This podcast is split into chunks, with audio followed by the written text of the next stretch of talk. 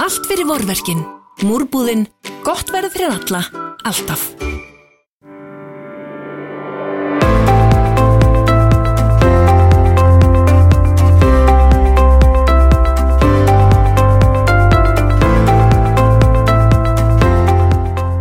Ellefu frambóð verða á kjörsælunum í komandi borgarstjórnarkostningum. Í hlaðvarpi kjarnans fá kjósundur að heyra um stefnuflokkana með orðum oddvitarna.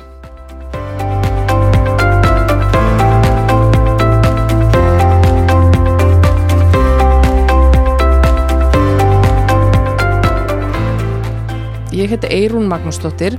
Viðmælandi minn er Alexandra Brím sem er staðgengill oddvita Pírata í Reykjavík og við ætlum að ræða um borgina okkar. Takk fyrir að koma. Já, bara takk kærlega fyrir að bjóða mér og ég bara hlakka til að fara aðeins yfir þetta. Já, uh, Píratar hafa verið meiri hluta í borgarstjórn núna síðustu tvö kjörtímabil og, og þið hafi núna fyrir þessa kostninga lagt fram uh, umfónsmikla stefnusgrá 24 blaðsjur og setið fram uh, 5 svona megin stefnur já, uh, ef við byrjum bara aðeins á svona því sem að í þessum kostningum eins og kannski mörgum öðrum er svolítið aðalmáli, það er skipulasmál og samgöngumál. Jú, jú. Þetta eru oftast svona uh, heitari eða já, heitustu málin einhvern veginn. Þetta eru kannski líka bara málinn sem að fólk er, uh, það, það sem eru átakalínur um. Akkurat, en er, er einhverjar breytingar á ykkar stefnu í þessum efnum bara frá því sem að hefur verið síðust ár?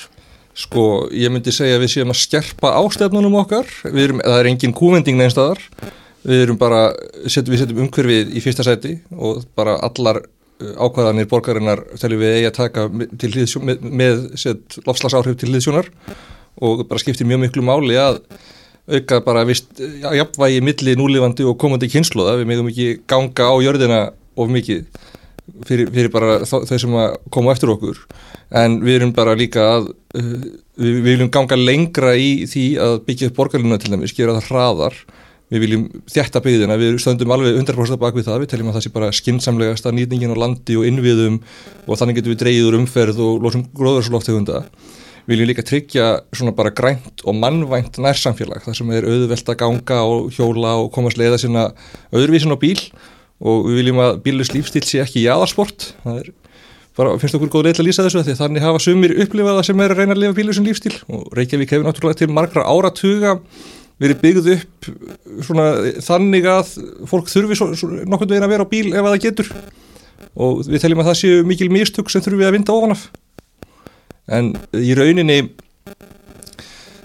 hvað segir maður, við viljum bjóða upp á valmöguleika. Því að í dag sjáum við í skoðanakonunum að fleiri vilja nota bílinn minna eða eftir ekkert heldur en geta það. Þannig að það er bara mjög mikilvægt að bjóða fólki upp á þann möguleika.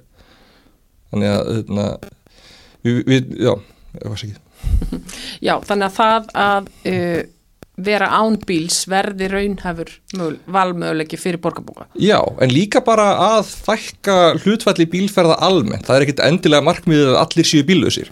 Markmiðið er bara að það sé að minnstakosti mögulegt og líka að gera, gera fjölskyldum kleift að vera kannski með færri bíla á heimili þannig að hvert heimili komist upp með 0 til 1 eða kannski 2 bíla eftir þörfum en sé, sé ekki eins og í dag þar sem að einstaklingur kannski, kannski upp með 1 en fjöl, flestar fjölskyldur þurfa 2 upp í 4 bíla til þess að sinna þörfum sínum. Og það er náttúrulega bara alveg út, út úr korti að, og það er líka bara kjarabót fyrir heimilina, þurfum ekki að halda út í mörgum bílum. Og þurfum ekki að eða löngum tíma í trafík því að það er líka búið að fara í bara samanburð á þeim möguleikum sem við höfum til framtíðar og besta leiðin til þess að draga úr trafík fyrir þá sem þó eru á bíl er að efla almenni samgöngur og borgarlínan er skýrasta og besta leiðin til þess Um, en af hverju hefur ekki meira gerst í þessari uppbyggingu á þeim ára sem þið hafi verið í meirluta? þegar að er spurt sko Hafið þið geta bara farið hraðar í þessar breytingar? Uh, Það getur verið að það með meta það sem svo en við teljum að við höfum lagt allt kapp á þetta. Það bara, það tók tíma að mynda samkominlægið við hins veitafélaginu og við ríkið tók tíma að tryggja, tók, tíma að tryggja fjármögnun. Það er búið að vera núna í skipulagsferli það er búið að vera að bjóða út einstaka verkþætti og já, við sjáum fram á að það sé alltaf fara á fullt núna þessu kjörtíðanbili sem er að hefjast. Þessi, já, þannig að uh, augljóslega þá hefðu við gjarnan viljað sjá hlutin að gera straðar en það eru líka bara aðrar aðstæður til dæmis bara COVID hefur hægt á mjög mikið skipilagsferðlum og bara allir þessari vinnu ég veit ekki hvort að fólk kannast við það en það getur verið erfiðar að halda markvisa fundi um, um flókin málumni í gegnum fjarfund en ég ætla svo sem ekki að kenna því sérstaklega um þetta er bara, það hefur hægt svolítið á öllu þessu, á þessum tíma og það hefur auðvitað líka bara gengið á uh, lausafjárstöðuna hjá borginni út af bara þessum, þessu ástandi hmm. Uh, varðandi borgarlínuna, borgarlínan uh,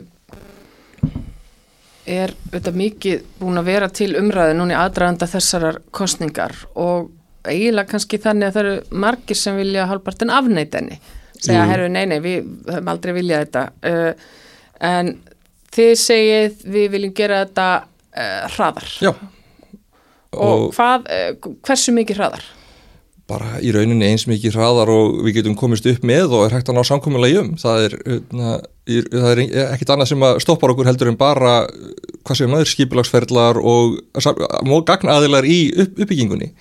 Þannig að það, okkur finnst það bara mjög, mjög mikið áherslu atriði og við viljum bara koma þessu þannig hraðar í gagnið að fólk geti farið að upplifa gagsemina af þessari breytingu fyrr.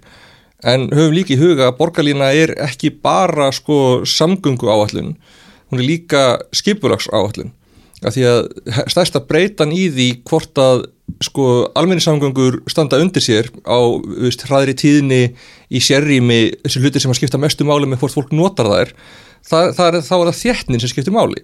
Og sko í vissri íbúa þéttni eins og í bara Manhattan þá getur við verið með neðanjara lestarkerfi að því að það er svo mikil þéttni að það stendur undir sér og aðeins minni þéttni þá getur við samt verið með lestarkerfi og aðeins minni þéttni þá getur við verið með sporvagna og aðeins minni þéttni þá getur við verið með öðna, set, bus rapid transit eins og það heitir set, borgal, sem er eins og borgarlína það eru set, sérhanaðir vagnar í sérrými.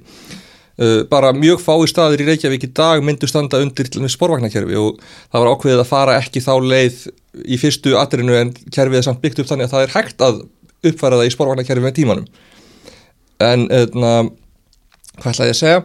Uh, það sem skiptir máli er að við aukum þéttnina bæði sko miðsvæðis og í hver, hverfonum, í hverfis kjörnunum og meðfram borgarlínu ásonum. Að, og þannig getur við bóði fólki upp á meira húsnæði þá líka nær þessum öflugu almenningssamgöngum. Þannig að þá geti það komist leiðarsinnar með þeim.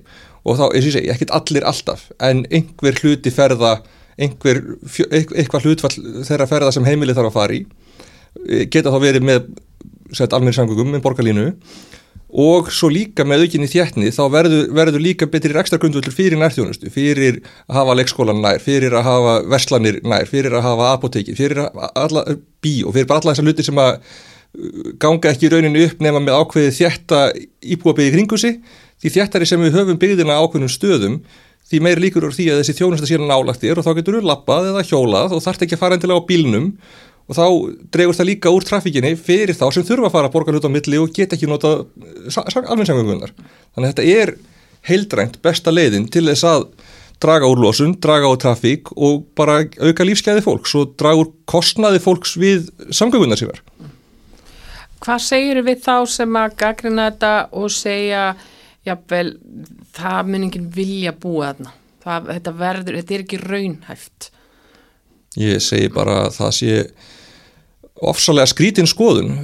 Við öll sem að höfum skoðað draugin að hverfonum sem er verið að byggja upp í samingi við þetta, eins og til dæmis bara upp í ártunni eða í vógunum eru samálega um það að þetta séu mjög falleg áform. Ég hef aldrei séð glæru sem ég langar eitthvað mikið til að búi eins og uh, þegar ég var að sjá kynningarnar á ártúnskverfinu og ég held að fólki, fólk, fólk sem að sér þessar sér uppbyggingu myndi alveg vilja búa þarna.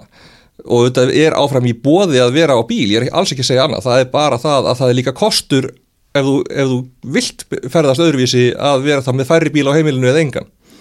Og öðna uh, svo er líka bara þannig, það er húsnæði skortur og uppbygging inn á markaðin, það, ég, ég get ekki ímynda mér að fólk muni fúlsa við íbúðum inn á markaðin eða þannig. Þegar það er mjög mikil eftirspurn. Mm. og það er líka bara stór hluti af þessu, við þurfum að byggja mikið meira og þetta snýst aðalega um hvar og hvernig við ætlum að byggja, ætlum við að dreifa meira sem er vissulega kannski ódýrara í fyrstu uppbyggingu fyrir, þá allan fyrir verktakana eða þannig en er dýrara í heldina fyrir samfélagið. Þá þurfum við að dreifa innviðum meira, þá þurfum við að brjóta upp meira, miklu meira land sem að losa koldioksið þá þurfum við líka þá þurfum við, er líka minni þjættni á hjá þeim sem að fá húsna, húsnæðið og þá er minni líkur á því að nærþjóðnastan sé nálægt þeim, þá þurfum við að fara fleiri stærri hluta ferða sem er keirandi. Þá verður meira, meira álag á gatnakerfið. Ef við erum til dæmis að byggja austar áður en borgarlinni tilbúin þá verður í rauninu öll svo umferð bara viðbótar þungi á orðunnsbrekkuna þannig að það myndi bara hafa slæm áhrif á gravarvógin, árbægin upp á það hvern, hvern, hvernig þeirra trafíka komast í bæverður mm -hmm. Þannig að það skiptir bara mjög miklu máli ekki hugsa þetta í samhengi. Samgöngumál og íbúðuppbygging eru alveg sko nátengt mál. Og við þurfum að bara hvað sem aður, raunsað með það hvað borgar sig og hvað, hvað, hvað meikar sens. Mm -hmm. En nú hefur borgin verið gaggrínd að undarförnu fyrir að það sé ekki nægt frambúð af húsnæði. Og, og, og er rauninni meiri hlutarm í borginni beinlinnis kent um það að það sé hér of hátt uh, fastegna verð og, og það sé bara lóðaskorti um að kenna uh, hvernig, hverju svarar því? Ég segi bara að það sé ekki satt eða að minnstakosti mjög mikil, uh, mjög mikil snúningur á staðarindónum sem að stennst ekki nánar í skoðun. Það hefur aldrei verið hraðar byggt heldur á þessu kjörtíðanbili. Við erum, ég meina, hérna gögnum skráðar fullgerðar íbúðir á kjörtíðanbilinu og þetta eru, já, yfir þúsund allan að síðustu þrjú árin, yfir 1500 2020 og öðna, hérna, það hefur verið met uppbygging í rauninni á þessu kjörtíðanbili. Uh, það sem að skiptir kannski máli er líka, er kannski það að það hefur hægt svolítið uppbyggingunni. Og það er ekki verið sem við skipum ekki mikið nógu mikið af uh, lóðum, það er vegna þess að það ekki, var ekki að fjármagn til þess að byggja það upp nógu hratt. Og við sjáum ef við skoðum fréttir frá 2019, byrjun 2020 þá sjáum við að það er að koma mjög, mjög mikið að greinum oft frá einhverjum hagsmunaðilum eða böngum eða eitthvað þannig sem að halda því fram að það sé, að það sé búið að byggja mikið og hratt og það stefni í bara offrambóð og verðhrun á íbúðamarkaði og borginn þurfa að fara að halda þessar höndunum í þessari hröðu uppbyggingu, uppbyggingu en uh, svo kemur COVID mjög hljóðlega eftir. Þá verða þessar sérstöku aðstæður að uh, vissulega eru margir sem missa vinnuna og lenda í bara miklu vandræðum en aðrir hópar sem að vinna þannig vinnur heldur tekjónum sínum en hafðu kannski minni að gera við peningana, gátt ekki fara til útlanda, erfiðar að fara í bí og eða út að borða og alls konar og voru kannski bara farin að sapna og uh, fór þá að hugsa um að stekka við sig eða kaupa eða eitthvað svoleiðis. Á sama tíma er Sælarbankin með kveitjandi uh, vakstastig fyrir íbúðakaup og eru með stýrivextina þannig að það er, auðveldar að fá íbúðalán og auðveldar að fara í ísulegis fjárfestingu og á sama tíma er, er verið að draga úr lánum til uppbyggingar og við sjáum sérstaklega lán á byggingatíma. Og við bara urðum, mjög varur við það í eins og stórum uppbyggingaverkjum að þau voru að tefjast að því að verktakar gátt ekki fjármagnaði framkvæmdina sem var kannski komin í ganga mörgum stöðum. Og öðna, það sem það gerir saman er að frambóðið þurkast upp. Það er bara mjög mikið verið að kaupa mjög auðvelt að fá lán til að kaupa og á sama tíma er að hægjast á hvernig, hvernig fyrirtækin geta byggt upp. Og það náttúrulega þurkar upp markaðinn, hækkar verðið og uh, í rauninni lendur við þessu ástandi sem við erum í í dag. Það er ekki vegna þess að það sé ekki nógu mikið af lóðum. Og lóðaverðið í sjálfu sér hefur ekki nema bara mjög langsótt áhrif á uh, endarlegt markaðsverð. Því markaðsverð myndast náttúrulega eins og við kannski vitum að frambóðu eftirspurn. Og eina sem við getum gert til þess að auka frambóðið er að byggja meira. Ef að við myndum aðfenda lóðir á undirverði þá í rauninni lendir það bara í vasa þessum andanum selur eða byggir annarkort eh, því að hann selur svona áfram íbúðina eða húsið á markasverði ventanlega þannig að eh, og fyrir þannig að ef við ætlum að selja aðfenda lóðir undir markasverði þá þurfum við einhverjum hætti að velja hverjir fá þær og eh, hvern, hvernig er þetta að gera það með samgjörnum hætti? Ef, ef ekki þannig að það sé bara bóðin upp heimildin því að í fortíðinni hefur það víða viljað, hvað segum maður, líkta af uh, vinsendi eða flokkskýrtinum eða eitthvað svo leiðis hverjir fá landsinskæði á Íslandi ef að það er, ef að það er hvað segum maður, umfram, fram, umfram eftirspurn með frambóð af, af því sem að þið ofnbæri getur útilt. Við skulum anskiptum gýr og fara yfir í leikskólana. Og, og hérna þið viljið fara að að þið viljið bjóða, bjóða sex tíma gjaldfrálsan leikskóla Já. og hafi líka talað um uh, að það sé eðlilegt að fólk geti sótt heimgreslur sem vil vera lengur heima heldur en sem nefnur fæðingarólónu. Sko, við tölum ekki beinlega um heimgreðslur, eh, kannski frekar eh, tengslagreðslur eða Já. þannig, en hérna, það er kannski mjög mikilvægt að halda eitthvað haga í því samhengi að það snýst ekki um sko eldri börn, þetta er ekki staðin fyrir sko leikskóla göngu, það snýst meira um kannski hvað við viljum gera mánuðina milli kannski 12 mánada og 15 eða kannski upp í 18 uh, það hendar ekki kannski öllum börnum að fara svo ung á leikskóla. Það er ekki öll, öll sem að koma að hjá dagfóreldrum og það er ekki öll með, uh, sem, sem að vilja fara þá leið heldur. Og uh, við viljum fara basically í rannsóknarverkefni á því hvort að þetta hjálpi, hvort að eitthvað svona myndi gagnast það myndi þetta fylgja með, þú veist, viss jafnbreytisfræðsla, það myndi fylgja með uh, bara uh, vist svona prógram sem fóruðar þurft að fara í. Og þetta er, því sannilega bara stutt tilrunarprógram til að sjá hvernig það gengur. En hluti að tilgangnum er þetta líka að búa til þrýsting á að það verði hérna, að fæðingarólu þessi lengt. Af því að það er ekkit endilega þannig að börnum hendi, hendi vel að fara inn á leikskóla þegar þau eru 12 mánuð og það er bara eitthvað sem, við höfum frá frá bara leikskólakennurum og leikskólastjórnendum. Þó að auðvitað viljum við bjóða upp á það líka. Það er, það er algjörlega oft þannig að fólk þarf þetta og ég hef verið í brúum biliðhópnum hjá borginni núna og ég stið alveg þá uppbyggingu sem er í gangi.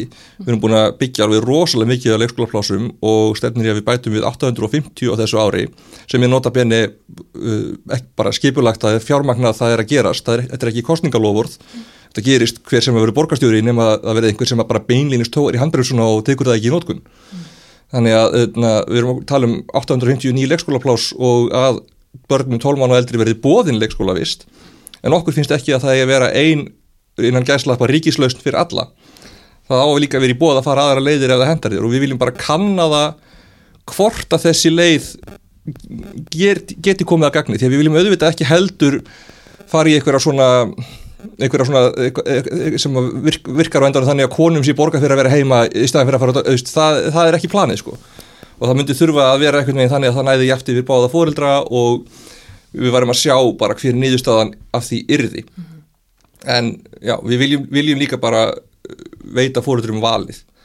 Uh, þannig að, jú, 6 tíma leikskóli, ég glemdi næstu um komin á það. Já, einmitt. það er uh, mjög mikilvægt, þá erum við samt að tala um það sko þannig að við myndum reyna hald, sko ef, ef að leikskóli, fólk vil vera með börnin sín lengur en 6 tíma þá verða umfram tíma tíma til væntalega dýrar á móti.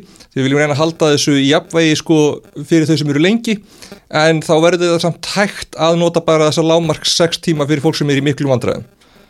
Og na, það er rauninni líka viss þrýstingur á að minka eða stitta viðveru dag batna sem getur verið mjög streituvaldandi að það getur verið mjög streituvaldandi að vera lengi í einu á leikskólanum vera, það, það, ver, það er alveg þekkt að börn verða mjög svona stressuð og koma heim kannski óráleg eftir ef þau eru búin að vera í 8 eða 9 tíma. Endur við, núna endar á þessu kjörtíðinbili búin að taka svolítið fyrir það. Að núna er það mest 8 tímar á dag mest 40 tímar á viku og það er líka komið inn eða aðkoma inn að fólk geti verið með fjölbreytileika yfir vikuna eða allan að verið, verið með tvo mismunandi tvala tíma. Þannig að ef þú átt stuttan miðvíkudag út af settingu vinnuvíkunar þá þurfur ekki að vera með barni til fjögur eða hálf fimm bara vegna þess að alla hina dagana þá þarftu að vera, vera til fjögur eða hálf fimm. Uh, Það getur haft mislanga daga. Já, já. Ef að þú ert með mis, mikið svigrum í vinnunni. Mm. þannig að það, okkur finnst það, fannst það mjög mikilvægt á þessu kjörtíðanbili En hafið þið kost, látið kostnaðar meta þessa breytingu að, að, að fara í sex tíma gjaldfrálsan leikskóla? Uh, eins og við hugsun það þá væru við alltaf að stilla því upp þannig að uh, það ætti að, ætti að reyna að koma, ætti, ætti svona cirka að koma út á jöfnu að þá er því kostnaður við umfram tíman að hækkaður á móti þannig að ef þú ert með batnið í 8 tíma þá í rauninni borgar það sama í þessu kerfi eins og, eins og þú mynd, myndir gera þá mm -hmm. En auðvitað við, við, við mættum að sjá það hvaða áhrif það myndi hafa ef einhver, ef einhver stór eitthvað stórt hlutvall það er alveg neyri bara strípuðu 6 tímana. En á móti þá myndi það væntarlega að spara einhverja yfirvinn og eitthvað svo leiðis þannig að uh, kostnaður leikskólana myndi þið telja hann myndi, myndi lækka. Væntarlega En uh, það er eitt í þessu sem er sko, með þann hóp að því að nú er vantilega hægt að greina þetta allt saman Jú. bara hjá borginni að, og það hefur komið fram í þessari leikskólaumræði þeir sem eru líklegir til þess að þurfa að hafa börni sín lengst, það eru oft tekjulágir og eða einstæðir fóldrar. Það er ekkit, það eru einhverjir að þeim en það er ekkit alltaf þannig mm. og það, voru, það var meiri sér stundum þannig þegar við vorum að kanna þetta þeir sem voru með lengstu skráðu viðvöruna voru í mörgum tilfellum fólk sem að þurfti ekki einu svona nótana, það bara hafði efnáði að, skrá, að vera með langan viðveru tíma skráðan og vildi ekki lendi í einhverjum leðundum ef það tefðist eða þannig. Og var, var kannski bara alls ekki að nota þann tíma alltaf daga, -hmm. auðvitað ekki allir en veist, þetta er bara mjög mísjátt og uh, ég man ekki tölunar akkurat núna en það var allavega ekki eitthvað yfirgnæfandi hlutveld sem var í þessari stöðu. Og uh, já, þannig að þetta er og svo er það líka bara hvað sem, hvað sem, við þurfum líka bara sem kannski samfélag að hugsa aðeins hvernig við viljum, hvað við viljum að leikskólanir séu. Er þetta pössun fyrir atvinnulífið, er þetta mentastofnun? Ég vil menna þetta sé mentastofnun. Mm. Það er líka, við, eitt sem við vorum að breyta svolítið á þessu kjörtíðanbili, það var svona skipulag vinnudagsins á leikskólanum, þannig að við reynum svona fókusera uh, svona, hvað séum við, skólastarfinu í leikskóla á ákveðnum tíma dags og svo kannski svona aðeins lausara reybunum eftir þann tíma þá getum við svona nýtt betur fagfólkið og tíma þess og þá kannski svona aðeins meira frelsi í því hvernig, hvernig það er eftir þann tíma En hvað með að það, það er annað sem hefur líka verið rætt í tengslu við leikskóluna, það er að tekutengja í rauninni leikskólagjöldin uh mhm. -huh. að þeir sem að þurfa ekki endilega á styrka halda til þess að senda batni sér til leikskóla að þeir séu þá ekki að fá þessa sex tíma frítt hvað uh, svona er, er sko, eðlilegt að þetta sé niðugreitt líka til þeirra sem að bara þurfu alls ekki að halda? Uh, ef að þau eru þá að nota færri tíma í leikskólanum, mm. við erum að niðugreiða nú þegar mjög stóran hluta af öllu leikskóla allir leikskóla, leikskóla nýtingu og ég held að við þurfum bara uh, kanna þetta því að það er líka alveg sparnaður fyrir kjærfið ef að uh, fólk myndir nota það að minna og þá getur við not, set, nýtt betur það starffólk sem við höfum á tímunum þegar, þegar fólk þarf nöðslega á því að halda við, þá myndum við bara sjá líka betur sko hvaða þessum hvaða þessari viðveru er eitthvað sem fólk nöðslega þarf á að halda og hvaða þessari viðveru er eitthvað sem að það kýs bara að skrá sig eða þannig mm -hmm. en jú þetta er, þetta er alveg pæling og gjaldskram á leikskóla eru eitthvað sem að Ég myndi segja að þurfum við að skoða. Afsláttarkerfið í leikskólum er orðið gamalt og það eru viðmið í því sem ég er ekkit endilega við sem að eigi við í dag og það er bara spurning sko, já, ég myndi vilja endur skoða það og hérna, ég held að við þurfum bara að sjá hvað, hvernig, hvað kemur út úr kostningunum og uh, hvað kemur út úr meirluta viðraðum. Þetta, þetta er svona mála þeirri starra gráðu. Já, ég veit. Það er eitt... Uh, mál sem að þið setja á dagskrá í ykkar stefnur sem að kannski er ekki svona mjög sínlegt eh, sem stefnumál hjá öðrum neinum öðrum flokki, ekki sem ég hef séð. Það er varandi dýr í Já, borginni. Við erum með Við erum mikil dýra flokkur Algjörlega, við erum dýr, mjög dýra velferðar sinnuð, við erum dýra vinnir og dýra velferðar stefnan er ekki jafn kostnaða sem og nafningi vil kynna en öðna, þetta er sér stefna í rauninni framhaldið því sem við vorum með síðast. Og þar voru í 2018 þá vorum við með stefnu um að það er því stopnu dýraþjónastar Reykjavíkuborgar málefni til dæmis katta væru færið frá myndir eftirlitinu og að öðna, hundahald væri formlega leift í borginni. Og það er hvort ekki að komið núna. Og núna er þetta í dýraþjónustunni sem er í hústyrgarðinum og við erum bara að vera ganga mjög vel og við viljum fá hundakerði í öll hverfi eða, eða lausagöngusvæði hunda að minnstakosti uh, við viljum fá uh, bara í rauninni betri þjónustu við dýr og dýra unnendur og við, við viljum uh, tryggja öryggi lausagöngu katta og lausagöngu kanina uh, það er bara þá í samvinnu við samtök sem að hafa verið að vinna þessum málum. Við viljum, við erum svona höll undir uh, flækingskettum sem frekar, frekar geldir heldur en hitt sko.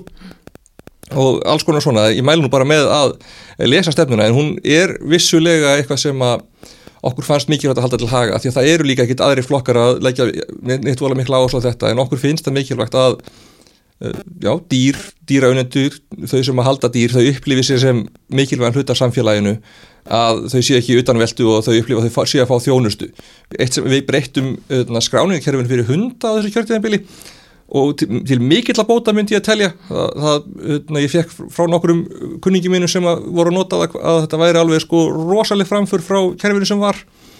Og hérna, um, lækka líka skráninga gjaldið og inn í skráningjaldinu er, er, eru vissar tryggingar fyrir hundin þannig að í rauninni og það er tryggingar mörgum tilfellum ódýra heldur en þú fengir um til tryggjan hjá tryggingafélagi. Þannig í rauninni er þetta bara mjög góður dýl sko. Við vorum svolítið að vonast til þess að skráningum á hundum myndið að fjölga í kjölfarið. Já, oft eru e, út af því hvað þetta var skrítið og fortfálegt og erfitt að gera, fara í gegnum þetta og eins og segi teknilega séð bannað að halda hundan ef það fengir undan þáður þá na, voru ekkert margir að, skrá, að skráða þetta og það var svona bara ekkert verið að fylg, fylgja þessu eftir við erum svolítið til þess að með því að gera þetta bara vel, hafa þetta skýrt, aðgengilegt þá komi fólk meira inn í kerfi og þá höfum við betri yfir sín yfir líka bara dýrahaldi í borginni mm -hmm. Er það mikilvægt fyrir borgin að hafa þá yfirsýn? Af því að nú er eiginlega flest dýrskráð uh, í gagnagrunn hjá dýralagnum? Það er það minnstakosti ef við ætlum að veita góða þjónustu fyrir dýraunendur. Ef við ætlum að vera, eh, halda verðilegum með dýra, hundagerði eða lausagöngusvæði þá hjálpar okkur að vita hvað eru margir hundar í hverfinu til dæmis. Það hjálpar okkur við alla svona áallanagerð og bara, já, ég myndi segja það, menna við erum Við, okkur ber við slagalega skildi alltaf að halda auðvitað um þetta líka og við viljum gera það vel við viljum ekki bara öðna, að minnstakosti ef við ætlum ekki að halda utanum þetta þá myndum við vilja gera það bara skýrt með einhverju yfirlýsingu ekki vera með einhverja reglur sem að engi fyrir eftir. Það er, það er ekki réttaríkið sko. Mitt. Það er svo ég haldur nú áfram með stefnumálin ykkar Já. að þið talið sérstaklega um uh, og hafið svo sem alltaf gert píratar að tala um lýra og gagsægi og, og stafræna stjórnsísli og þið viljið innleiða eða sem sagt þróa áfram gagn, gagn sjá Reykjavíkur og, og einhvers konar styrkja gátt líka og, og hérna hafa þetta allt saman svona opnara. Uh, en þá kannski líka beint við að spyrja af hverju hafi ekki gert meira í þessu? Við hefum náttúrulega gert alveg slatta bara svo það sé nú sagt og Gagsjá Reykjavíkur er búin að vera í, rétt, eh, búin að vera til í vissir mynd en við erum að stefna á að sjá uppfæra útgáfafinni núna fljótlega þar sem að gögnin eru læsilegri og öðna, bara meira samræmi innbyrðis, meira innbyrðis samræmi og auðveldar að þessu beintengdari við bakkerfin. Eh, það er bara, eh, já, við erum að innlega gagna umsýslu kerfi borgarinnar hlöðuna og það er bara margt sem búið vera í vinslu sem að er að koma svona í gegn núna við erum búin að fá hvað, um 10 miljardar í stafverðana umbreytingu í borginni sem er alveg rosalegt skref. Það eru spjaltölfur í grunnskólana eða í, í úlingadeldinnar það eru innleiðingar stjórar í, í, á, á starfstaðina til þess að það sé samræmt til þess að við höfum yfirsín og til þess að við pössum að við séum að nýta þetta en ekki bara að kaupa ykkur tölfur sem ekki notar það er verið að forrita umsónarkerfi, það er verið að forrita, við sjáum til dæmis skanningarkerfi fyrir grunnskólan hafa tekið í nótku núna bara nýlega og það er að mælast mjög vel fyrir. Við erum, erum und, með undirbúningi skanningarkerfi fyrir leikskólana, það er mjög stort mál sem okkur finnst mjög mikilvægt og uh, bara mjög, mikilvægt að gera þetta vel. Uh, umsóknarkerfið um fjárhagsaðastóð til framfærslu. Var klárað að snemma sem svona uh, pilotverkefni eða þannig. Og fekk alveg rosalega góðar viðtökur, fengið verðlaun út um allt og bara gengur rosalega vel og hefur stitt umsóknartíman og dreyið mjög úr vinnu starfsfólk sem getur þá nota tíma sinn í bara að vinna, meira að vinna í málum heldur en að vera leiða fólki gegnum umsóknarferli og fólk þurfu verið eitthvað að koma fram og tilbaka með eðublöð og eitthvað svoleiðis og þetta bara, e, það verður að sjá það svo svart á hvítu hvað þessi umbreyting er að bara búa til miklu meiri skilvirkni. Og það er bara eitthvað sem við viljum halda áfram og við sjáum bara að þetta er allt í, allt í hvað segir maður, bíkjar, þetta er hérna, eitthvað sem, eitthvað sem við viljum halda áfram og sem er mjög mikilvægt að verði klárað af myndileg vegna þess líka að þetta er eitthvað sem að kostar kannski smá pening núna en mun augljóslega draga mjög úr kostnaði síðan mér, þetta er svona uh, og mér finnst það að vera með því skynsalegra sem þú getur nota peninga í það er hlutir sem að draga úr kostnaðinu setna, það, það er bara það sama eins og að vera með öfluga velferðarþjónustu fyrir fólk sem missir vinnuna sem að hjálpar því kannski að festast ekki í ykkurum, ykkurum hjólfurum sko.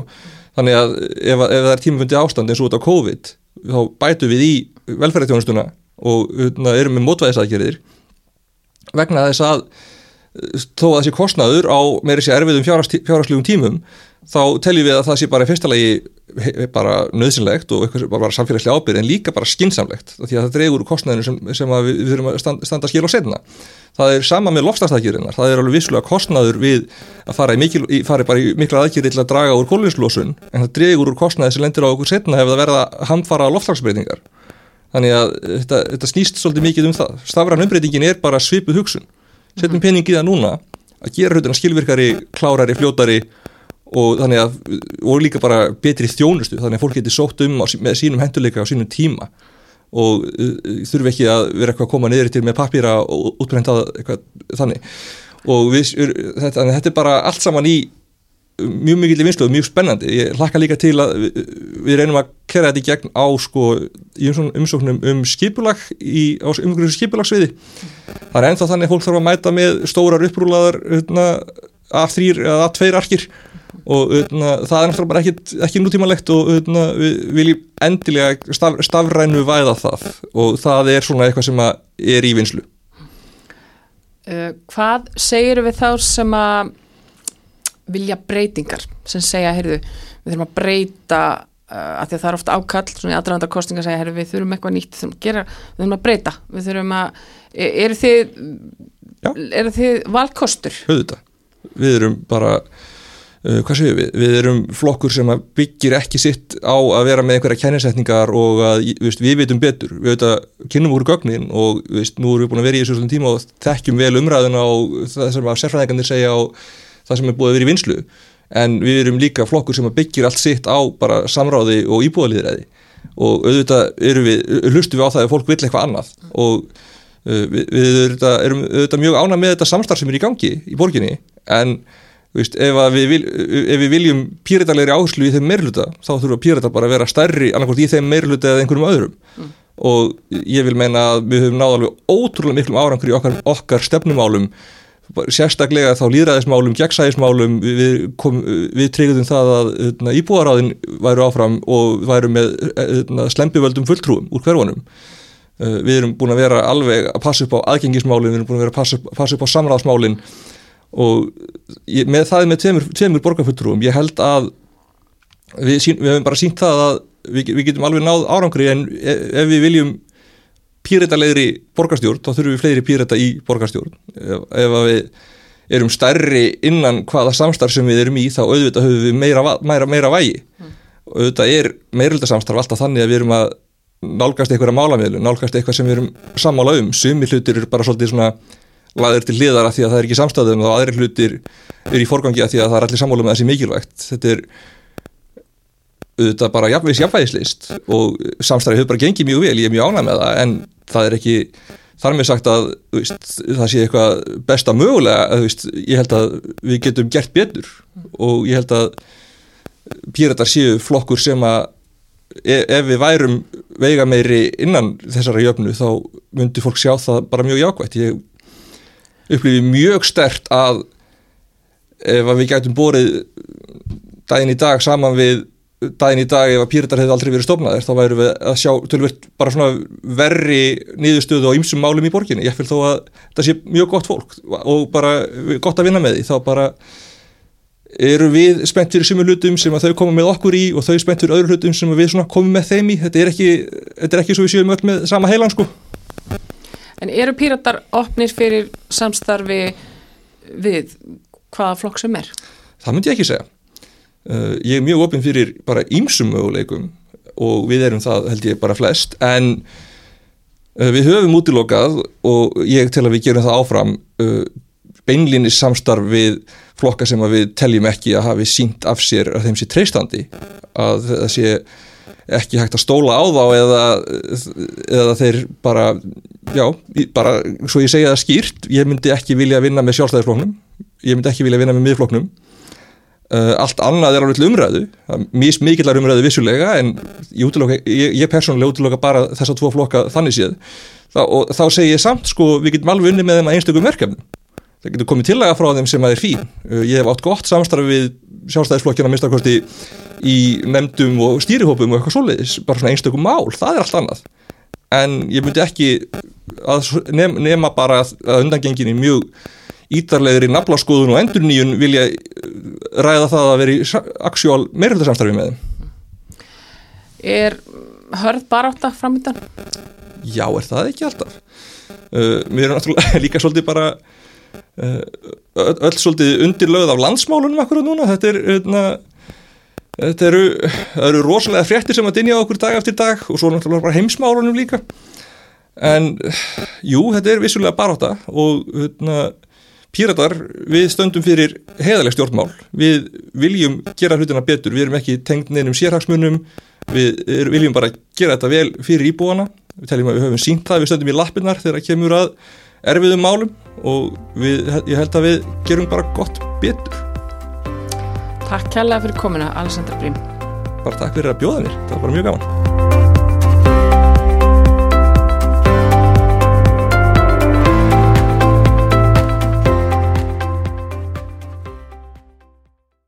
Múrbúðin er 20 ára. Frábær tilbóð. Kíktu í heimsókn.